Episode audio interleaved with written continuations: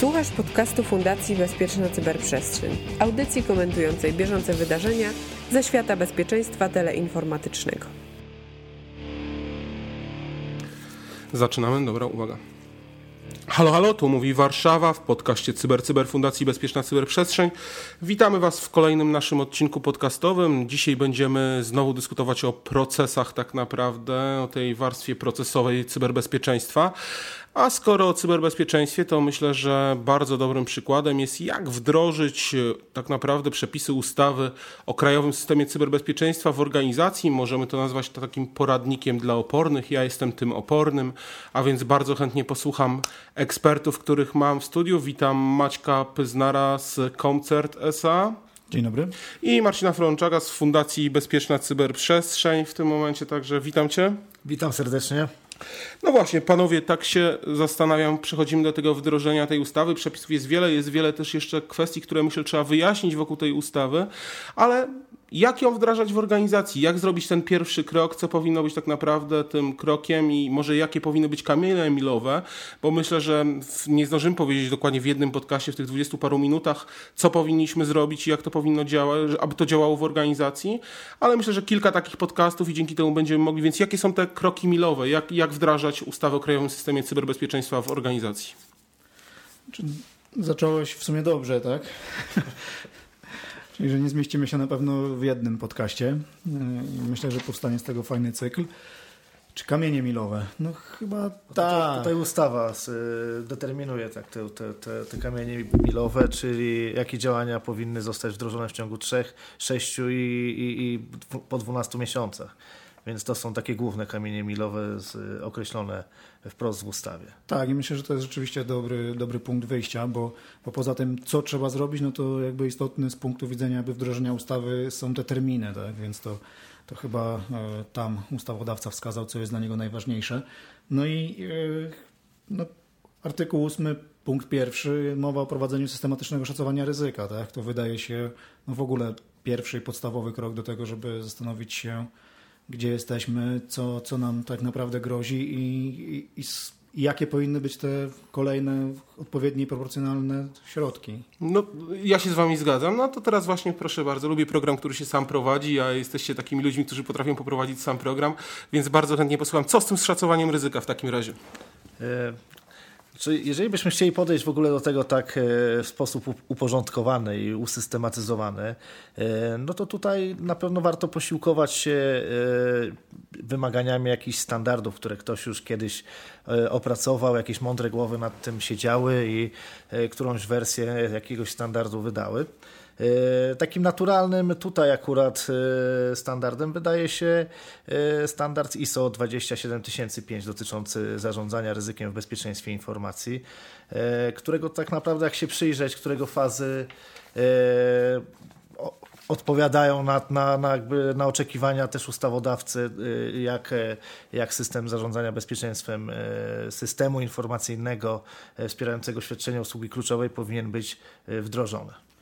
No tak, akurat się, się zgadzam, chociaż z początku myślałem, że, że ustawię się tutaj w opozycji e, w stosunku do Marcina, ale y, rzeczywiście ustawodawca po pierwsze wybrał e, normę 27001 jako tę podstawę. No co prawda ona opisuje cały system, a nie, nie poszczególne kroki, które należy wykonać. Ale później tak zobaczyłem do, do drugiej ustawy, czyli 20, przepraszam, normy 22301, no i później zobaczyłem jeszcze na 31 tysięcy, czyli normę e, o zarządzaniu ryzykiem jako takim. No i jakby szczęśliwie te, te normy no, współpracują ze sobą w tym, w tym zakresie, że jeżeli popatrzymy na na ogólny model w każdej z tych norm, to nie, on jest zawsze mniej więcej, znaczy nie mniej więcej, on jest po prostu taki sam, czyli najpierw ustalamy kontekst, później szacujemy ryzyko, no i później zastanawiamy się, w jaki sposób postąpić z tym ryzykiem. E, no i później albo akceptujemy je, albo nie, w zależności od, od decyzji zarządu. To niesamowite, żeby w jakichś aktach normatywnych czy wskazujących nie było sprzeczności. Także bardzo mnie to cieszy, że jest możliwość tworzenia takich aktów. Akurat normy właśnie ISOskie jakby są zbudowane na tym trzonie E, i przepływie tego procesu właśnie w taki sam sposób, to już tak jak wspomniał Maciek, tak, od ustalenia kontekstu poprzez postępowanie z ryzykiem i na końcu akceptacja tego ryzyka. Czy to jest system zarządzania jakością, środowiskiem, czy, czy jeszcze jakiś inny, inny system zarządzania zgodny z normą ISO, zawsze ten proces jest bardzo podobny. No dobra, panowie, to może przejdziemy do tego ustalenia kontekstu, tak? Bo skoro mówimy, że to jest pierwsze, to co jest istotne przy tym ustaleniu kontekstu? Jak podejść do tego ustalenia kontekstu? Ty czy ja? E, mogę ja zacząć, tylko sobie tutaj ściągę wezmę. E, o, mam tutaj taką karteluszkę przygotowaną. No myślę, że od po pierwsze, to co powinniśmy zrobić, to określić w ogóle podstawowe kryteria, e, jak chcemy to ryzyko oceniać, jak je opisywać, e, jak je szacować. To jest chyba pierwszy krok, który powinniśmy wykonać. E, też taki szerszy kontekst otoczenia tego, tej, tej usługi kluczowej, tak naprawdę skupiając się na tym systemie E, informacyjnym, czyli tutaj to, o czym też żeśmy mówili w, poprzednim podcaście z tego cyklu, czyli e, ustalenie tych elementów tego systemu informacyjnego, który e, wspiera tą usługę kluczową. No tak, jeśli tylko mógłbym dodać, to jakby ten kontekst to właściwie jest e, no, trochę takie opisanie nas samych e, w warunk uwarunkowaniach zewnętrznych, czyli to, nie wiem, na przykład prawnych, politycznych i tak dalej. Czyli w naszym przypadku byłoby to na przykład jestem operatorem usługi kluczowej, to znaczy, że obowiązują mnie przepisy ustawy o Krajowym Systemie Cyberbezpieczeństwa, które nakładają na mnie takie i takie wymogi w e, określonym czasie do spełnienia i no, zagrożone określoną sankcją. Tak? Jestem jednocześnie przedsiębiorcą w jednym z sektorów, które wymienione są w, w załączniku do ustawy. Świadczę usługi kluczowe również w, w, w ramach danego sektora, no i kto jest moim głównym odbiorcą, kontrahentami i tak dalej, i tak dalej.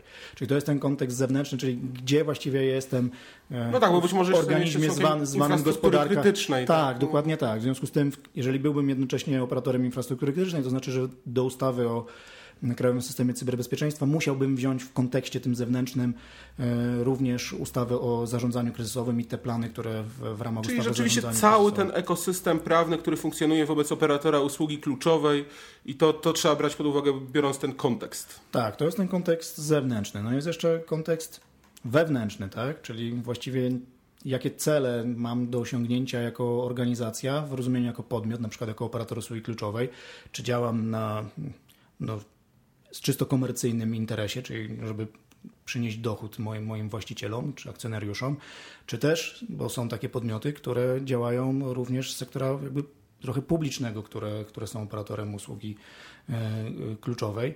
W związku z tym ten ich cel do osiągnięcia wewnętrzny jest trochę inny niż, e, e niż ten czysto komercyjny. Tak? W każdym razie no, też muszę wziąć też pod uwagę jakby moją na przykład wewnętrzną kulturę organizacyjną. Nie wiem, czy czy ona jest związana z większą korporacją, mniejszą, jak, wygląda e, całe to środowisko wewnątrz mojej organizacji, czyli to, kim jestem na zewnątrz, w rozumieniu takim, gdzie się mieszczę w tym ekosystemie prawnym i w rozumieniu usługi, którą świadczę, no i ten kontekst wewnętrzny, czyli do jakich celów tak naprawdę dążę. I, i to ustalenie tego kontekstu pozwala nam zdefiniować cel, tak? bo jeżeli pomyślimy o normie 31 tysięcy i tej definicji ryzyka, które tam jest, czyli wpływ niepewności na cel, no to jakby ten kontekst pomaga zdefiniować ten cel. I, I to jest jakby moim zdaniem chyba kluczowe, żeby nie pominąć tego momentu, bo, bo jeżeli na przykład celem dla nas będzie spełnienie wymogów ustawy, no to, no to zupełnie inaczej będziemy oceniać e, zagrożenia i później ryzyko w kontekście tego celu, niż w kontekście celu na przykład takiego, żeby w sposób niezakłócony świadczyć usługę e, kluczową dla moich odbiorców się rozgadałem, przepraszam. Nie, no to znaczy bardzo fajnie, bardzo, bardzo ciekawy wykład, no ale coś jeszcze, jeszcze właśnie kontekst, czy idziemy dalej, jeszcze coś chcecie dodać do kontekstu? No to jest fundament, e, to jest fundament, który, na którym możemy już e, dalej budować, tak? Możemy zdefiniować już na tym etapie też e, rolę i odpowiedzialności właśnie w, tym, w tej całej strukturze zarządzania ryzykiem w organizacji. Już to, to jest dobry, dobry fundament, jeżeli poznamy też strukturę organizacyjną, to tutaj już będziemy mogli musimy wyznaczyć role. One już mogą być wyznaczone, bo może, to, może tak się składać, że operatorzy kluczowi no już w jakiś sposób zarządzają tym ryzykiem, ale jeżeli budujemy e, coś od, od podstaw, no to tutaj mamy dobre rozeznanie, jest dobrym, dobrym początkiem, żeby to... Właściwie rzeczywiście dobrze to dodałeś, bo to ustalenie tego zakresu i tej struktury organizacyjnej jest jakby ustaleniem kontekstu wewnętrznego naszego, tak? Czyli no jak jesteśmy jeszcze dochodzą... jak są podzielone obowiązki w, i, i w ogóle. Dochodzą też te techniczne sprawy, tak jakich narzędzi rzeczywiście używamy. Rozumiem, że to też wchodzi w skład kontekstu. No, ja bym tak nie powiedział.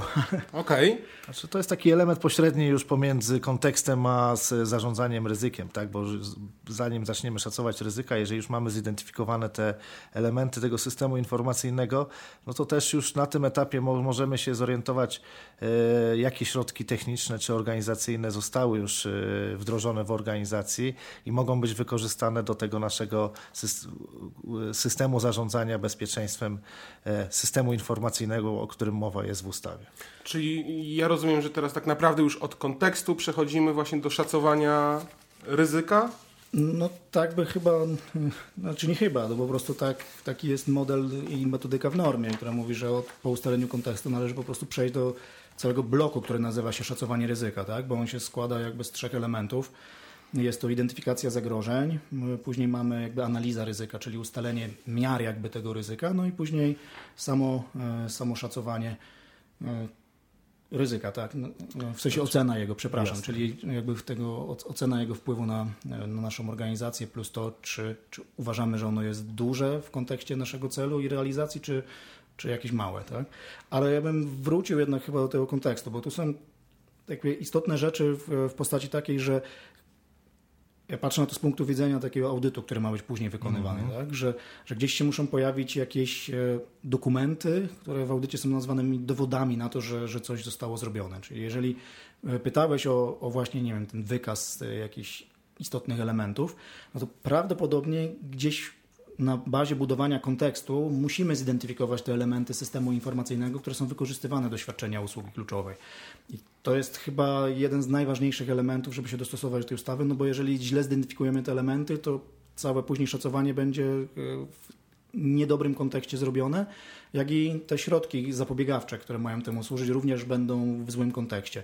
Więc e, jakby tutaj no nie wiem, wydaje mi się, że chyba w ramach warsztatów, konsultacji czy przeglądów tego, co, e, co mamy, no powinniśmy na koniec otrzymać jakiś wykaz elementów właśnie systemu informacyjnego wykorzystywanego do oświadczenia usługi kluczowej, jako taki dokument, któremu, mhm. który możemy pokazać e, audytorowi, który do nas przyjdzie, badającemu ten system zarządzania bezpieczeństwa informacji, czy, czy wykonaliśmy ten, ten jeden z podstawowych kroków. E, no bo rozumiem, że jakby kontekst tego audytu, chociaż jakby wymagania co do audytorów ich e, jakby umiejętności są, są różne, no ale jakby biorąc pod uwagę e, kontekst ustawy, że te wymagania są wzięte trochę jakby z ISO 27001, no to jakby należałoby w ten sam sposób podejść do tego audytu, czyli przedstawić jakiś dowód. Więc jednym z tych właśnie dowodów wydaje mi się, że powinien być taki, taki wykaz elementów systemu informacyjnego. One się oczywiście pojawią jeszcze później w, w, samej, e, w samej ocenie ryzyka, jako już te zasoby które będą wspierać konkretny proces. No i te zasoby, w które będziemy w cudzysłowie strzelać, żeby, żeby to ryzyko oszacować, no tym niemniej jakby tutaj na początek możemy nawet taką zgrubną sobie ocenę zrobić. I znowu się dorwałem do mikrofonu. Nie, to, ba, ba, bardzo dobrze. Ja bym tutaj ten pierwszy etap tak podsumował tak naprawdę z y, jednym pytaniem, co zabezpieczamy tak? no bo to do, do, do tego zmierza. Tak? E, tak naprawdę ustalamy kontekst, co chcemy zabezpieczać, czyli w jakim zakresie chcemy wdrażać ten system zarządzania bezpieczeństwem. No tak, no to nas trochę z kolei prowadzi do jakby wykazu informacji, które przetwarzamy w tych systemach, tak? tak. Czyli, ale rzeczywiście chyba no, nie jesteśmy w stanie uciec od tych kroków, w sensie, żeby stwierdzić, co chcemy zabezpieczyć, czyli które systemy, jakie informacje, które w nich przetwarzamy, które mają wpływ na, na świadczenie usługi kluczowej, no i później jakby również zinwentaryzować co, co, to, co w tej chwili mamy jako, jako ten sprzęt, którym zabezpieczamy to. Więc jeżeli tak e, weźmiemy w klamrę ten proces ustalania kontekstu, no to to jest jednak dość duże zadanie mimo wszystko. Tak? To nie jest e, tylko stwierdzenie, a jesteśmy operatorem i mamy takie wymogi. To znaczy, to, to jest na pewno zadanie najważniejsze, tak? Bo bez dobrego kontekstu, bez rozpoznania tego wszystkiego, całe nasze późniejsze szacowanie ryzyka jest po prostu bez sensu, bo możemy zupełnie do czego innego szacować ryzyko niż to, do czego powinniśmy. Więc tu jest clue i na tym trzeba zwrócić największą uwagę. No ale panowie, no dobrze, no i, i co dalej z tym kontekstem? Mamy kontekst, co robimy dalej? No też y, kolejnym krokiem jest zidentyfikowanie wszystkich zasobów y, wewnętrznych i zewnętrznych y, w ramach tego systemu informacyjnego wykorzystywanego do świadczenia usługi kluczowej. Mhm. I tutaj te zasoby no to nie są tylko właśnie pod względem identyfikowane pod względem technicznym i patrząc, że to jest zasób powiedzmy system informacyjny, czy jakiś element tego systemu takiego informatycznego, tylko musimy wziąć pod uwagę też e, procesy, sprzęt, oprogramowanie, infrastrukturę, ale także personel. Tak? To może być e, e, zasobami wewnętrznymi i zewnętrznymi w ramach tego systemu informacyjnego są też pracownicy biorący udział w tych, w tych procesach, czy to pracownicy stali, tymczasowi, czy też z firm zewnętrznych, ale także serwisanci tych, tych systemów. To też musimy wziąć pod uwagę. To nosi znamiona takiej klasycznej właśnie analizy wpływu na biznes. Tak, tak właśnie to chciałem, to chciałem tak, powiedzieć. To też ważne, że musimy też do vendorów rzeczywiście się w jakiś sposób odnieść, jak, jak to wygląda, że to nie tylko nasi, jednak również te outsourcowane również są. Tak, ale e, chciałem powiedzieć to, że jakby, jakby metodą, którą można wykorzystać do tej identyfikacji zasobów jest właśnie BIA, tak? czyli analiza wpływu na biznes. No, jeżeli prowadzimy jakąś usługę kluczową, właściwie no, jesteśmy wyznaczeni do, do tego, że jesteśmy operatorem danej usługi kluczowej, no to no musimy ocenić wszystkie te elementy i procesy, które jakby składają się na, na proces świadczenia tej usługi, no i, no i właśnie określić te wszystkie zasoby, które wspierają świadczenie. I to w, wchodzi w to, to, co Marcin powiedział, czyli co najmniej ludzie, technologia i, e, i jakby wiedza, którą jest potrzebna do tego, żeby E, żeby to, e, żeby to zrobić i dostarczyć jakby tę wartość dla, dla tej usługi kluczowej. No i to jakby oceniamy zarówno w kontekście wewnętrznym, jak i zewnętrznym, tak? No, czyli właśnie jeżeli mamy kogoś, kto nam dostarcza jakąś wartość z zewnątrz do tego, żeby dany proces podtrzymać, no to musimy go jakby tutaj wylistować, no bo, no bo zagrożenie jakby może trafić w, te, w ten zasób i tym samym przerwać, zakłócić lub utrudnić świadczenie usługi kluczowej. I dlatego akurat fajne jest tutaj połączenie, wydaje mi się, żeby wziąć właśnie z 22301 te bije jako tę metodę na to, żeby, żeby zidentyfikować te wszystkie zasoby. No i tutaj już tak płynnie przeszedłeś właśnie do tych zagrożeń, tak, które jest następnym krokiem, gdzie mamy już zidentyfikowane te zasoby. E, no i teraz e, w, w, szacowaniu e, tego ryzyka określamy, jakie zagrożenia dotyczą tych. Dobrze, czy ja mógłbym jakby zrobić krok wstecz jednak, bo że szybko idziemy, tak? Nie. Cykl się zrobi krótszy. Albo boję się, że zaraz usłyszę, że czas minął. No, Ale...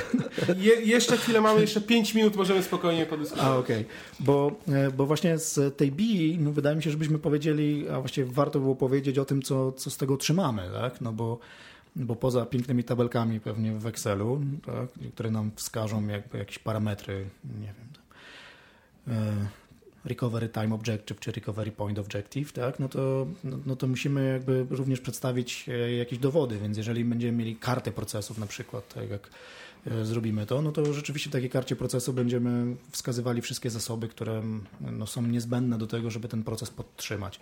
I w ilości, tudzież liczbie, jeżeli mówimy o, o czymś policzalnym, e, takiej, która jest potrzebna do tego, żeby, e, żeby zrobić. No, wydaje mi się, że, że można to podzielić co najmniej właśnie na, na takie zasoby jak, jak, jak materialne, informacyjne, finansowe, nie wiem jeszcze jakie prawdopodobnie można wymyślić. To jakieś w nieskończoność Można... A, może w nieskończoność to nie, no ale, ale gdzieś musimy się zatrzymać, bo później jakby musimy identyfikować e, no. właścicieli tych e, To też tych właśnie zasobów. zależy od tego zakresu, żeby dobrze zidentyfikować cały zakres. Tak, tak dlatego jakby właśnie narzędziem wykorzystując ten BIM możemy to łatwo zidentyfikować, tak? W rozumieniu takim, że do danego procesu jest potrzebne to, to, to, to na przykład, no i za to odpowiada jeden, dwa, trzy, czwarta osoba. Tak? W związku z tym e, możemy również potencjalnie te osoby wskazać jako te zasoby, które są niezbędne do tego, żeby, żeby zrealizować ten proces. I, I tym właściwie chyba powinniśmy się jakby na koniec dnia wylegitymować w rozumieniu takim, że mamy zidentyfikowane te procesy, mamy karty tych procesów razem z zasobami niezbędnymi do tego, żeby, żeby te procesy e, podtrzymywać. No i następnym właśnie krokiem, no to jest właśnie to, co zaczął Marcin i znów chyba mu oddam mikrofon na dłużej albo się wyłączę, e, żeby, żeby strzelić w te zasoby i sprawdzić, co wtedy, wtedy się stanie. E, no tak, to strzelenie mogłoby może też e, polegać na wykorzystywaniu różnych już dostępnych i znanych jakichś metodyk czy standardów. Możemy to zrobić na zasadzie określenia drzewa błędów. Tak? Możemy dany zasób gdzieś go zdekomponować na pewne mniejsze elementy i, i sprawdzić dla każdego z tych elementów, jakie, jakie zagrożenie jest. Tak? I wtedy wtedy takie drzewo zagrożeń otrzymamy i w efekcie od najmniejszego elementu, który może mieć wpływ na zakłócenie i spowodować cały łańcuch nie, niekorzystnych dla nas zdarzeń i w, w efekcie incydent, który, o którym jest mowa też w ustawie. Tutaj do, do, tego, do wykorzystania tej analizy zagrożeń może być jeszcze wykorzystany na przykład taki, taki, taki framework Mitr Attack, bardzo E, bardzo obszerny dokument, który e, opisuje bardzo dobrze e, pewne etapy ataku i dekomponuje, jakie mogą być wykorzystane techniki, żeby te podatności wykorzystać właśnie podczas ataku. Tak, no tu mnie tylko zastanawia jedna rzecz w, w kontekście całej ustawy. Czy powinniśmy się koncentrować tylko i wyłącznie na, na atakach, czy tam błędach wektorach ataku teleinformatycznego, czy coś absolutnie innego. Nie, absolutnie nie. No tutaj też y, wszelkie zagrożenia, y, które są spowodowane na przykład właśnie socjotechnikami wykorzystywanymi y, i uderzają w, to, w ten taki najbardziej wrażliwy zasób, jakim jest człowiek i taki naprawdę jeden z najbardziej podatnych zasobów, no też powinny wziąć, być brane pod, pod uwagę. A jak zgodnie z ustawą podejść w tym momencie do takich typowych rzeczy jak zalanie, czy tym podobnych, gdzie mamy fizyczne tak? uszkodzenia na zasadzie. Znaczy niewątpliwie y, no to nie jest tak, że jeżeli jest system informacyjny, no to on działa wirtualnie, tak? No jednak ma elementy fizyczne w postaci czy centrów danych, czy, czy serwerów, czy, czy czegokolwiek innego, które są podatne na te wpływy środowiskowe. Ja myślę, że należy wziąć to jak najbardziej pod uwagę, dlatego że nawet sam ustawodawca mówi o bezpieczeństwie technicznym, czy fizycznym i środowiskowym. Środowiskowym w rozumieniu takim, żeby. No tak, bo jeżeli spojrzymy na, na rozporządzenie, to tam mamy rzeczywiście mocno, mocno fizyczne zabezpieczenia dotyczące włamania przede wszystkim. Tak, czyli ja rozumiem, że to jest to, o czym mówił Marcin, że no, nie, prawdopodobnie nie należy brać pod uwagę tylko i wyłącznie zagrożeń teleinformatycznych, ale właściwie w tym, tym drzewie błędów znaleźć wszystkie te ścieżki, które mogą doprowadzić do tego, że dany zasób wspierający no właśnie, też nawet teraz zastanawiam. Czy to wspiera usługę, no, czy no właśnie, wspiera czy, system? Czy właśnie dokładnie tak. Czy to ma być ten zasób w ramach systemu teleinformacyjnego, ale no dobrze. No to, to, to. o, o, tym sobie jeszcze, o, o tym zakresie sobie będziemy pewnie rozmawiać. No oprócz tych zagrożeń ludzkich, technicznych, naturalnych, to mogę sobie nawet wyobrazić, że e, z kategorii prawno-organizacyjnych zagrożenia też mogą zakłócić e, tą usługę. E, wyobraźmy sobie, że mamy jakiś serwer, który uczestniczy w tym procesie wspierania usługi kluczowej, a jest on na przykład obiektem też jakiegoś dochodzenia. Tak? I w tym momencie może zostać e, zarekwirowany na czas e, dochodzenia, no i to może mieć duży wpływ na zakłócenie, więc też te zagrożenia takie prawno-organizacyjne też należy brać pod uwagę. No tak, ja też myślę, że jest duża grupa urządzeń, które są no jakby outsourcowane przez nas samych, tak? Nie wiem, mam na myśli przestrzenie dyskowe, serwery, czy gdziekolwiek indziej, gdzie są specjalistyczne firmy, które jakby tylko tym się zajmują. W związku z tym, nie wiem, nieuregulowanie rachunku, czy jakiekolwiek inne rzeczy, no wydaje się być śmieszne i proste, tak? Ale może, może spowodować, że ktoś po prostu nam ten tak. serwer odłączy, tak? I tyle. I dziękuję bardzo. Albo zmieni się właściciel, który stwierdzi, że, że jakby zmienia działalność, już nie zajmuje się hostingiem, tak, tylko... Albo się zwinie dostawca. Tak, albo się, tak, zwinie dostawca, upadnie wypadnie lub cokolwiek innego. Więc to są właśnie te, te prawno-organizacyjne, które gdzieś tam, no może pewnie nie będą wysoce pozycjonowane na, na, na tej...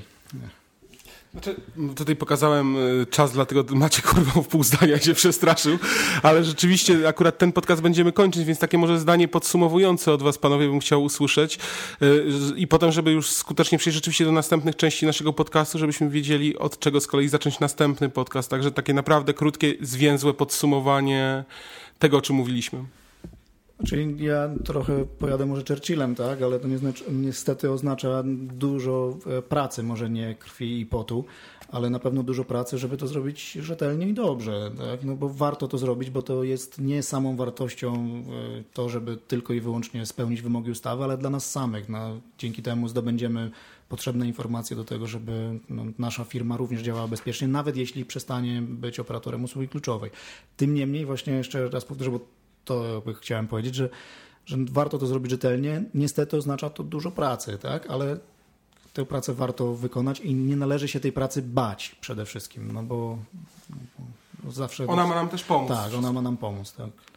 E, ja też e, z takim z taką poradą, może Przesłanie. z przesłaniem, tak, że, że y, podchodząc do wdrożenia tych, y, tych y, przepisów ustawy, no nie wymyślajmy prochów. Też korzystajmy z narzędzi, które ktoś już wymyślił, już jakieś mądre głowy nad tym siedziały i róbmy to w sposób systematyczny i uporządkowany, a właśnie raz, że osiągniemy to, że ta praca będzie zrobiona rzetelnie i, i, i porządnie, a dwa, że, że na pewno szybciej niż, i,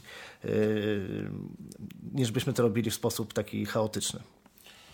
No dobra, panowie, ja wam bardzo dziękuję w takim razie. Omówiliśmy sobie kontekst, omówiliśmy szacowanie ryzyka, w większości tam zostało... Nie, no ale nie, nie, nie, nie. to kontekst omówiliśmy. W, właściwie kontekst i zahaczyliśmy o szacowanie ryzyka, więc dalej będziemy rzeczywiście kontynuować nasz następny podcast od szacowania ryzyka.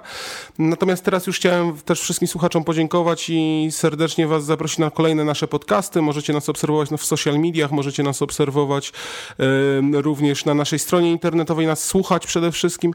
Także zapraszamy serdecznie i dziękujemy. W tym podcaście to na tyle. Zapraszamy do kolejnych podcastów.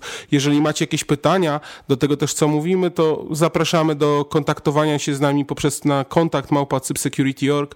Tam zawsze e, ktoś odpowie albo ewentualnie poruszymy ten temat e, na, w kolejnym odcinku naszego podcastu. Także dziękuję bardzo i do usłyszenia.